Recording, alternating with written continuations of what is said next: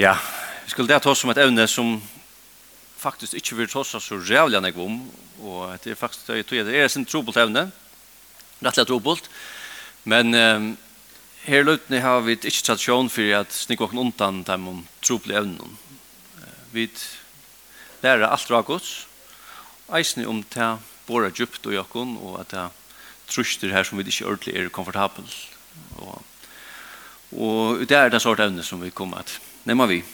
Men samstånd er det eisen er det største evne, faktisk er det minst tvei store evner, himmelen og helvete. Uh, og det er et evne som vi sagt han skulle haft flere bublimar om, og bare særstakt om dette.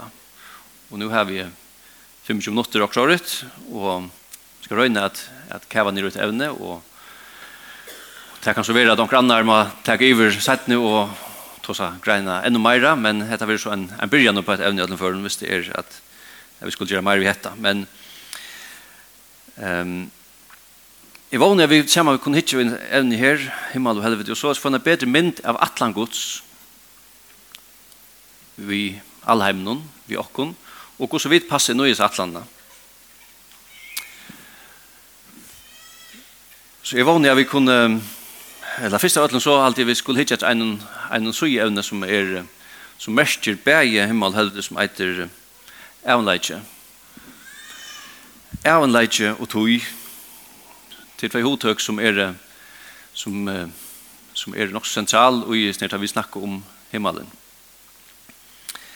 Så kvært er evanleitje til en støve her som tøy ikkje er, men kvært er så tui Ehm um, om vi också om kvart tøy är så det är faktiskt eisen nästan trubbel att definiera det.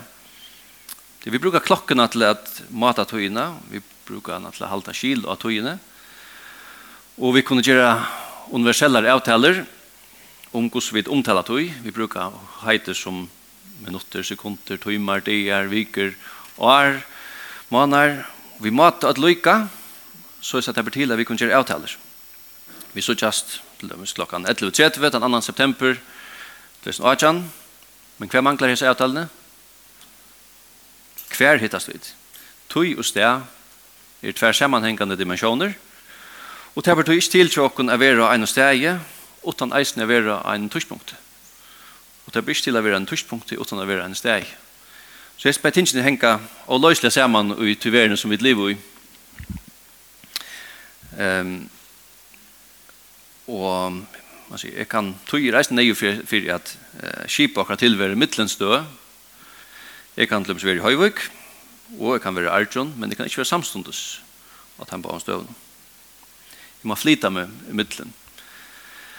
Og Einstein, som vi vet är en, en kloke personer, skriver at time is invented to make motion look simple. Det er vi flytta, altså man flyter noe, flyter, flyter, vi flyter okkur i sted, og til en, en rettfylgje ut hvordan vi flytter oss. Og til det brukar vi tog til. Og det som man eisen sier her til er at um, physicists, physicists believe the separation between past, present and future is only an illusion. At det er kanskje ringt å skilja at, at, at han sier at skiljen av middelen ta tøy, nutøy og framtøy er bara galdande för människor. Alltså det är bara något som är galt som vi söker för oss som människor. Och detta detta är något man grundar i hans här relativitetsteori att tiden är inte absolut, hon är relativ. Hon kan bodjast och bröjtast. Vi kommer att till hur hur det är relevant akkurat nu. Ehm um, Det at god är, god är det som vi kallar för alla tøyne, att det er omnipresent. Det er mest at han er god i alle stedene. Og han er et urslit, til et urslit av tøy at han er utenfor tøy. Han er, han er ikke bunden av tøy på samme måte som vi er. Han kan sagt hans være alle stedene i sen. Tøy han er ikke bunden av seg tøy er dimensjonene som vi er jo i. Og så er man utenfor tøy, så man er ikke utanfor sted. Tøy er jo sammanhengende. Så det som er avhverst, det er som Bøysende sier, at, at tøy er særlig ringet at jeg fra, Og vi kunne nesten mate henne og vite i minst om henne, men det er trobult å si hva tog i verleggen henne er. Einstein har gjort noen, noen forsøk på det. Um, men vissna folk er nok så samt om at det, at det var et tørspunkt ta i tøy ikke vær til. Tøyen er byrja på et eller annet tørspunkt. Og, og ja, på et tørspunkt. um, Hva er takk vil lade sandan løte? Det har vi hørt før, har vi ikke det? Stenter i første Mosebok 1.1 og i opphavet. Det er byrjan, ja. Ta i alt byrjan, ja. Hva vær ta, og hva vær åren, hvordan vær det kipa åren. Altså her er et eller annet, heter hodtøk som vi høyre atter, vi høyre, vi høyre Einstein greier fra du i Vysendalia, vi høyre skriftene greier fra du vi øren hodtøkken.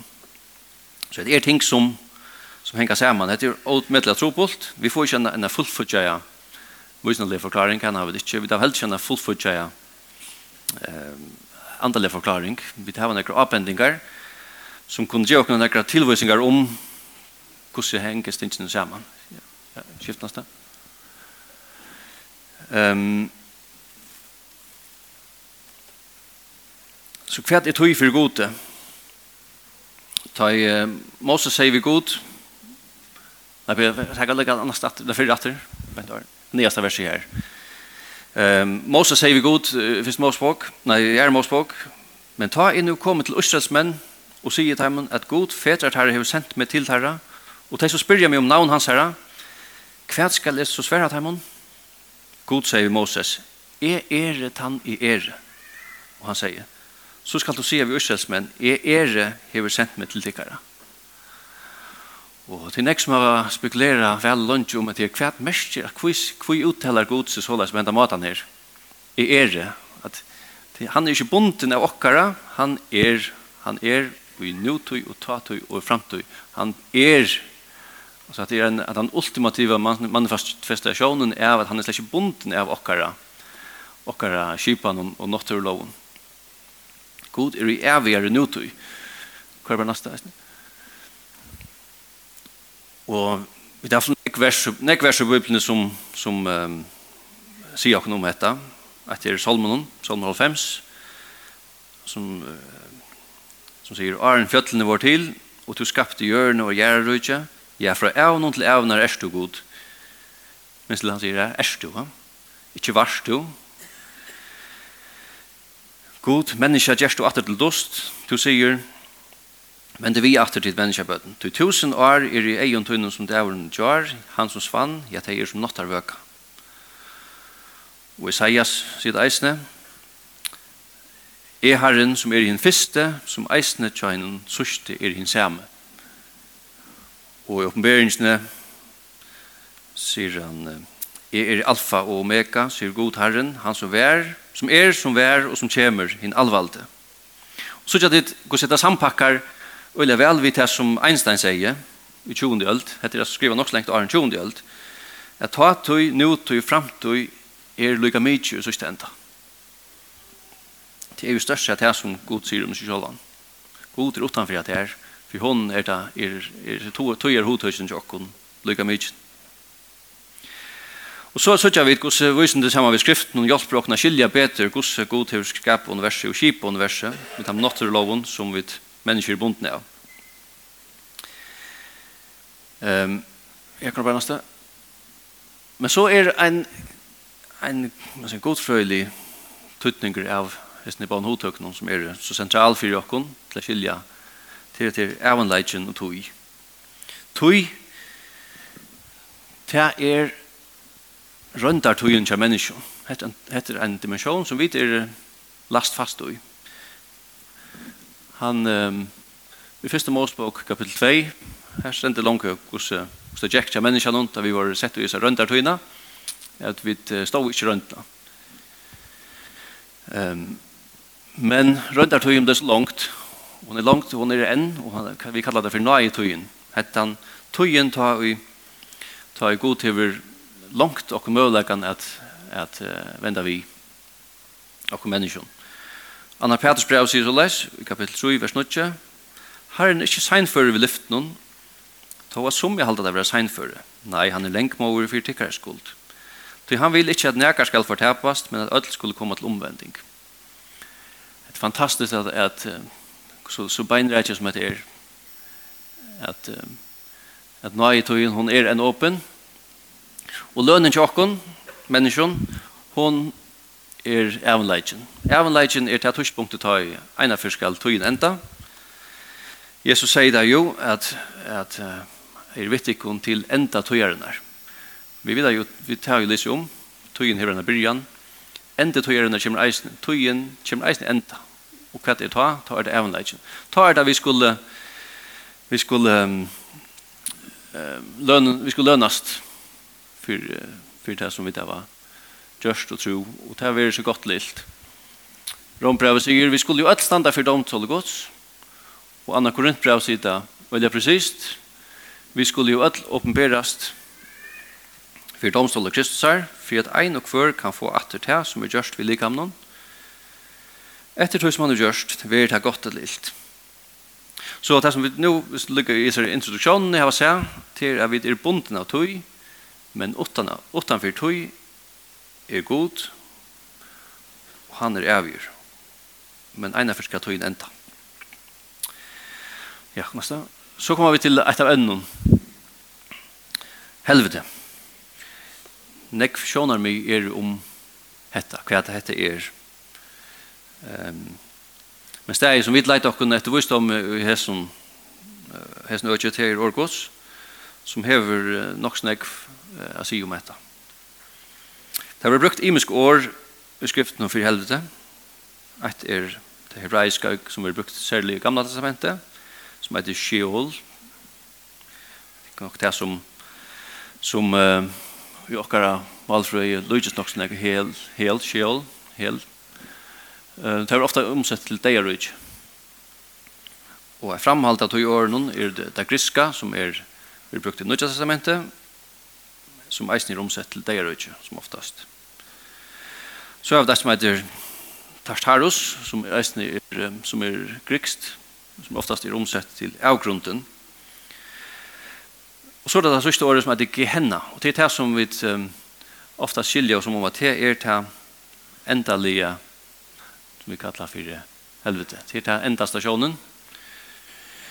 Tog jeg vil lese om at um, at deien og deia rujtje vil eina fyrir kasta ui gehenna.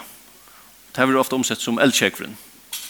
Så her er det, her er det imisk hodtøk, her som vi kanskje kunne skilja middelen til i fyrste, som er det at deia rujtje, som einas fyrir skal enda og forgenga, og gehenna, som er tan, tan enda eldsjekvren her som alt um, skal enda. Um, Hette er um, hette nekka som Jesus var faktisk en av dem som tog seg mest om Gehenna. Det er et år som som ja, det lyser en en eldsjekv, eller omsett som eldsjekv. Um, Hva var næsta? Her. Det er um, her er noen vers som stand her. I Matteus sier han, men jeg sier til ikkona kvørt hans mot han grunt, ytterlig vi brorsøyn, skal være sikker for domen. Tanne sier vi brorsøyn raka, skal være sikker for ranen, og tanne sier daretøyn, skal være sikker til eld helvetes. Og hvor gjør sier Jesus eisne, om nu høyre er tøyt fresta det, så røyv det ut og kastet det fra der. Det er bedre at han limer vil forkommen enn alt likam tøyt vi kasta i helvete. Og, og her nekv dømmer om Jesus brukar ikke årene her. Så er det et år som vi brukte, etter samme år vi brukte at i åpenberingsene. Vi kommer å lese mer ur høsten kapitlen ur, eller ur åpenberingsene sett. Men um, uh, åpenberingen 1920 sier, men døyre vært hitje, og saman vi tog lie profeteren og hitje gjørs teknene for egen tess, og vi tar med vittlagt hei som tog mest i dørsens. Og de som tilbå mynd tess, de var kastet livan, livan, levande kast i eldsjekven som låar av svavle. Og åpenbøringen 20 sier, 2014, sier degen, og degen er utgjøver kast i eldsjekven, heter en annar degen, eldsjekven. Og neste vers sier så, om onker ikke fann skriva i bok luftsens, var han kastar i eldsjekven. Så hoha, dette var, etter ikkje testbil i år, men etter år gods, så dette er Det er ikke noe som vi kunne bare skøyde for å bo i. Um, men hvordan er det stedet så? Løsningene som er knyttet rettes nere i årene, uh, Sheol, Tartarus og Gehenna, koma, uh, særlig Gehenna, koma i beinleis fra Jesus her munne. Griske året Gehenna, det er det samme som det hebraiske året hinnom, det er, det er, stedet navn faktisk. Det er det viser til, viser partvis til Aster navn utanfor Jerusalem.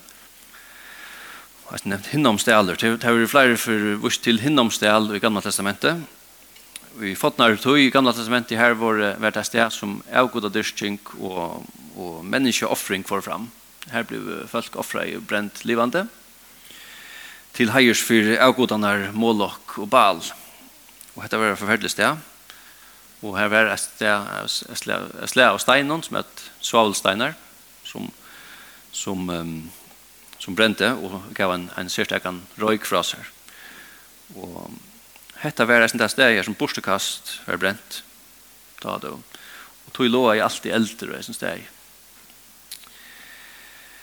Um, så det er ikke helt visst hvor Jesus brukte et år her til å lyse etter steg. Hette, altså, han har brukt et stedernavn, et steg utenfor Jerusalem, til å lyse eh, en annan verlegger som man rønner sitt året her. Han brukar samme år.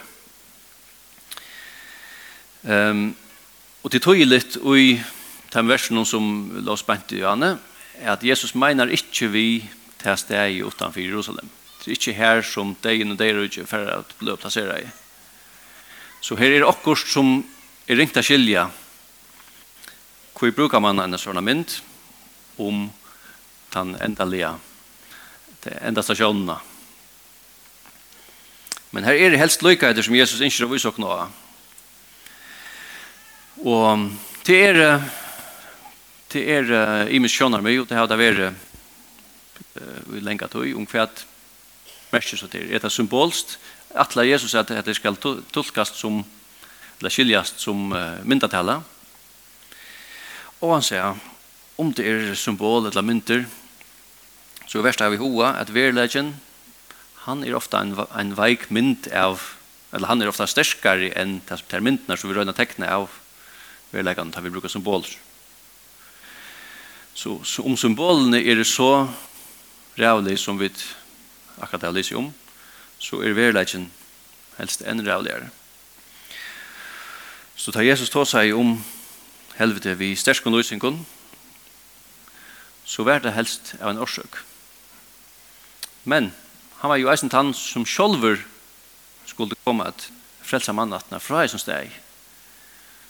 Så sier jeg det at han er jo han tann som løser forferdeligheten og isner, men han er samståndes tann som kommer vi bjergjinsene. Ja, takk lasta. Ja. Så om man sier hvordan vi, hvordan vi skiljer etter, så, så er det ikke et særlig godt sted. Jeg skal lese noen, noen år og noen hodtøk som vi har sett i samband vi dette stedet, Gehenna. Filippe brevet sier undergenger. Hebreer brevet og Johannes 3,16 viser til fortæping. Anna Peters brevet viser til å gengat til grunn der. Oppenberingen kallar det for hin annar degen. Rombrevet 2 kallar det for domergods. Efesusbrevet 5 og Rombrevet 1 kallar det for, for um, vreiegods. Matteus 25 sier at det er evig refsing. Matteus 8 kallar det ut i myskre. Marskos 9 kallar det avslatsjande elder. Marskos 9 og Matteus 24 sier evig elder. Matteus Matteus 13 viser til grat og tanna grusl. Matteus 13 viser til en eldsovn. Anna Thessaloniker brev viser til evig fortaping og til evig straff og borster fra Asjon Herrans. Jotas brev viser til nia og natt i allar ever. Og Anna Peters brev viser til Hedle Myrskusens og åpenberingen og til en sjekk som loar av eldi og svavl. Så hatt noen øyelig, uff, ikke tespelig løsingarår som er brukt om dette steget. Det er ikke just positiv år.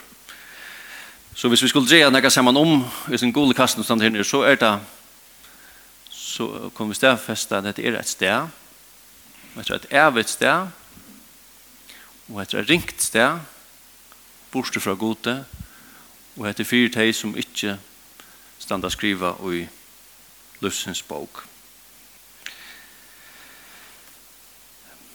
Man kan diskutera om hette er i kvann mån er dette mynda litt og kvann mån er dette utøyke litt.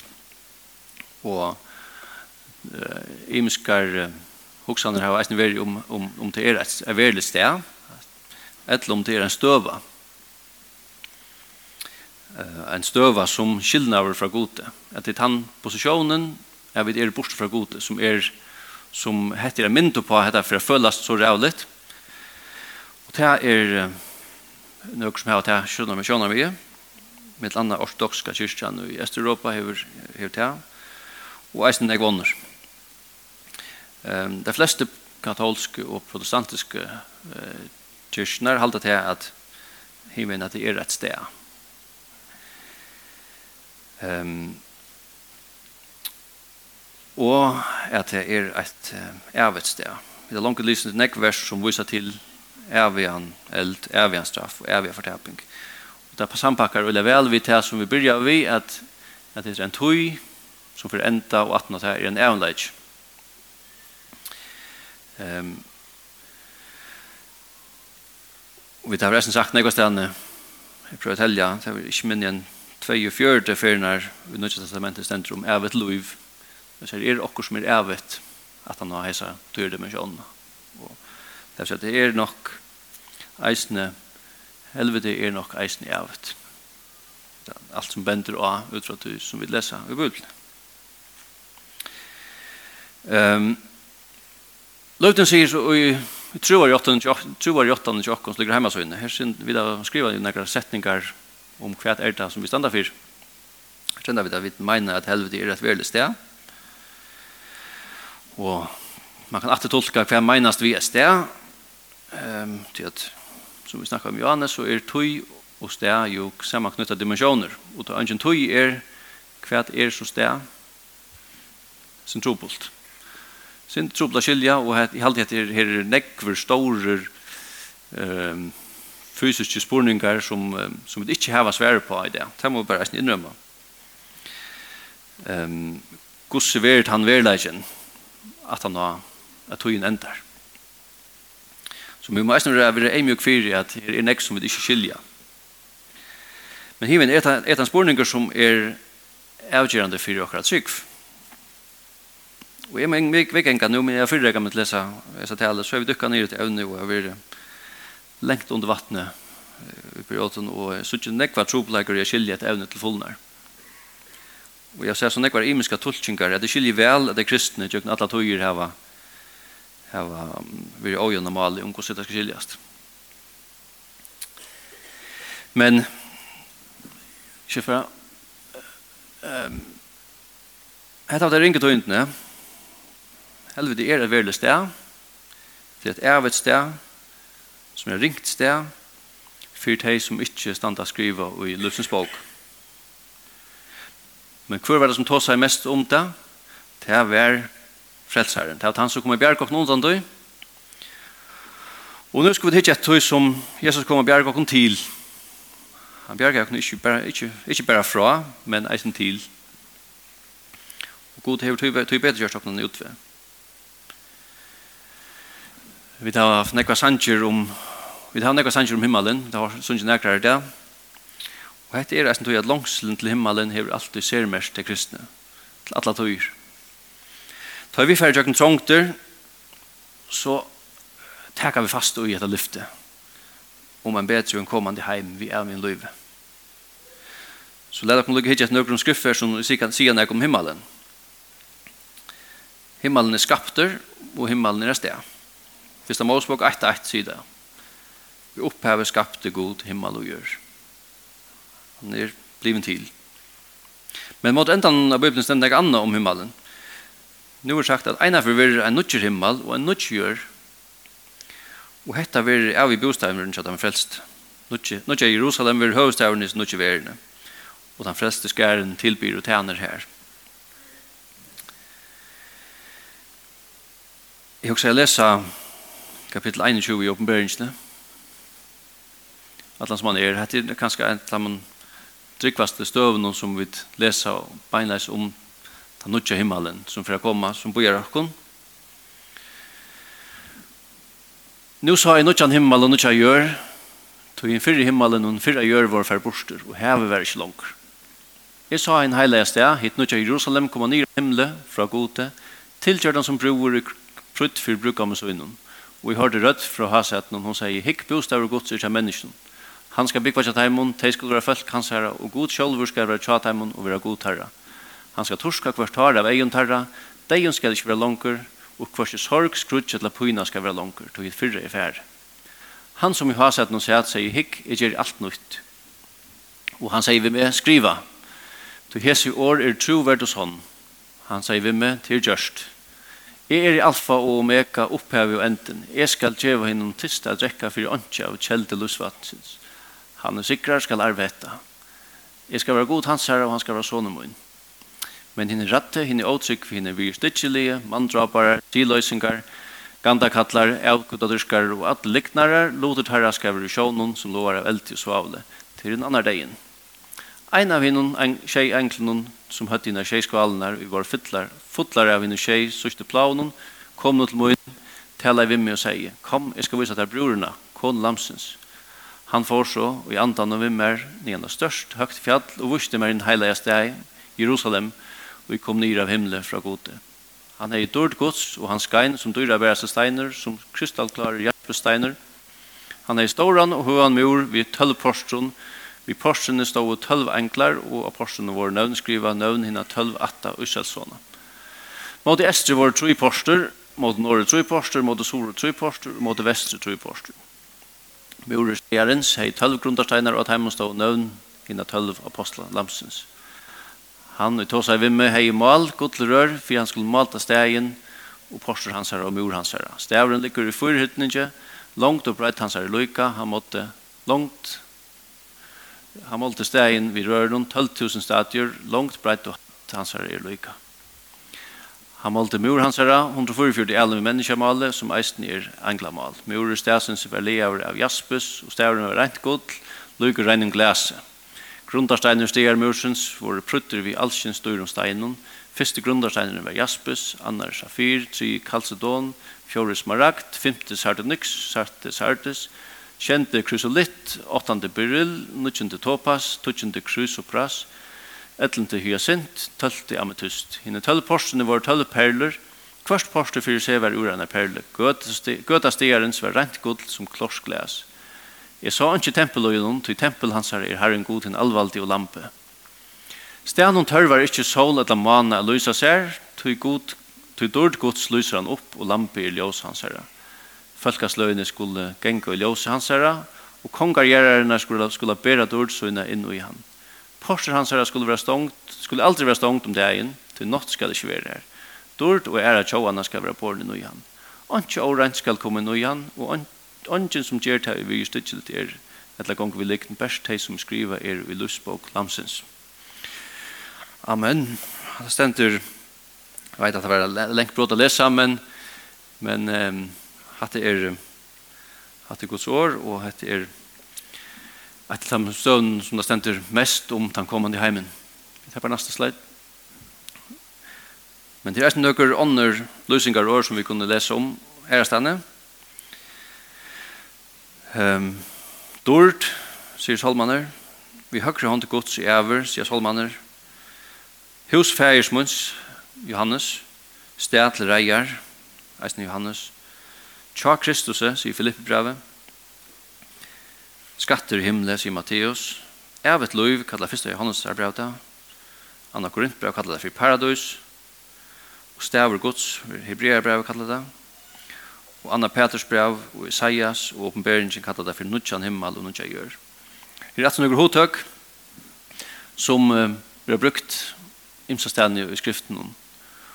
Og hvis vi skulle dreie nekka saman om, om på samme måte som vi drar sammen om vi, vi helvede, så er det at dette er et sted, et evig sted, og et et godt sted, sammen vi gode, og det er fire teg som stand å skrive i Løsens bok. Så nystøvann vi hesson er at vi vet ikke så øyelig nek og utøtslet om himmelen. Men vi vet at dette stedet som okkara frelsare gjør til reier til okkara, her er ungen pyna av sorg, bare glei. Om så er at løsningene av himmelen skulle skiljes som mynter, um, så er det ötlen for helt vust at atlan er at løsa er positivt og godt. Det er sånn det er mulighet, som jeg nevnte i Johanne, at det er mulighet at, at det som, det som yngst vil forklare for dere her vil ta oss i mynden. Um, Det som Johannes sa i åpenbøringene, han har jo ganske rønt å forklare det som et beste formåne vi mennesker åren, hva det er han å si. Kanskje hever denne dimensjonen som vi, vi har flott inn og er ganske ringa forklare for dere. Men vi kommer ikke til å om at disse årene er øyelig positiv som vi har brukt om dette steg. Så, ja, nästa. Samme dotteren, Vi lever i en arver som er bonden av tøy og sted. En affær skal tøyen enda, og vi trakk inn i en evnleika her som ungen tøy er. Vi lærer om at det er tver enda støyer, enda støver, og til himmelen og helvete. Vi leser om at helvete er et rævlig sted, bort fra gode, men himmelen er, himmelen er et godt sted, sammen vi gode. Jeg underviser parstvis av klasse og setsen noen. Jeg rønner altså lærte lesende at spyrer seg selv so what? Etla kvært så Da det kommer vi omkring opplysning etla fakta. Kvært så ok kvært du fortalte meg dette kvært hva vil du sitt og samme hatt skulle vi så spyrer oss selv i det nu vil jeg hukte et noen sannleggen om himmelen og helvete Vi er mulig å bli en klokere. Onker er kanskje blind ørskimlaver. Onker er blind kanskje mer forvitten etter å vite mer. Til kanna selv. Men hva så? Er dette bare godt å vite? So, nice to know. Tu så elskar jeg god heimen at han gav sånn sønn en einbarna for hvert han og tror han skal ikke fortepast, men heva av et liv. Det sier Jesus sjolv. Hva er det Så et av kjendaste skriftsånden i Bibelen tåsar av munn og Jesus her, tåsar beg om fortepelse og evet liv. Vi kunne bjerga fra fortepelse til evet liv. Det er til ikke lykka mykje. Det er ikke lykka mye hva vi halte om, altså bare halte til at en etter, så er ånden endi av tøyene. En endi av tøyene kommer, og det er ikke lykka mye hvordan vi fer ut ur hessar hessar hessar Og ta eira for okkur kalt ned rydgen og ta hugsa om okkur medmennesker som kanskje ikke kjenner Jesus og ikke trygg på han ta de skulle standa fram fyrir en fortapelse og han sier om vi så skilja det eh, myndatella etla vi skilja det tøtslitt som er sted etla som er støve eh, så er det rævlig sted bort fra god samståndes så får jeg en hit i bjudgen, ta i hugsa om himmelen hovast ikkje av fullfødja i vitan om det steg hvordan han er. Til han bostævren som vit, som sikva Jesus Kristus, og hans fullgjørt av versk for okkar synder, skulle flytta heim til til han kommer atter etter okkar. William Booth, han var stående av frelsnar herren, han sier så leis, I consider that the chief, chief dangers which confront the coming century will be religion without the Holy Ghost, Christianity without Christ, forgiveness without repentance, salvation without regeneration, politics without God, and heaven without hell. Bjørn Norren, han sier, Jeg møter der største vandan er i kommande tøy, er atrona utan heile andan, kristendom utan Kristus, fyrirgjeving utan enker, frelse utan brøyting, støyre utan god, himmel utan helvede. We are, sier William Booth, most Christians would like to send the recruits to Bible college for five years. I would like to send them to hell for five minutes. That would do more than anything to prepare them for a lifetime of compassionate ministry. Det vil si at fleste kristne vil det feien senda, senda sin, sin unge av bibelskole i fem år. Jeg vil ha sendt deg i helvete i fem, fem minutter. Det har gjort mer enn neka for jeg fyrreika det til et liv vi samkjensle fyltare tjenest. Flest av vita hvordan William Booth arbeider. Han har samtkjensle ved den veike, sjuke og ytla fyrekommende i samfunnet. Han var kjent for jeg har sagt, du kan ikke hitta gjørstene til følge ved Guds karlaga, om det har toma mea og kalt der føtter. Slavere, sånne vers, soup, soap and salvation. Altså suppa, sapa og frelsa. Og eisen i fargen gjør, gjør frelsene her enn enn det er et, et fantastisk arbeid i middelen, det som dette er i middelen i samfunnet. Hette det her. Hette tog det relevant for dere at hukse om hva det hender 18 etter løyve. Det hever tøytning, det er ikke bare tog at helvete skal være nødt til å rea ånder, men det er en reallig verleid. Som for sikvante at jeg var samkjensle, sterska samkjensle vi sin medmennesken, og innskje at jeg skulle komme og kjenne frelseren. Det er som verilegge som fikk bot, jeg bruker sutt løyve på å hjelpe dem heimleise, sjuk i London, dem kriminelle, dem prostituere, dem drukne, vi gjør noen ødlen heimen som penfolk ikke omgengast.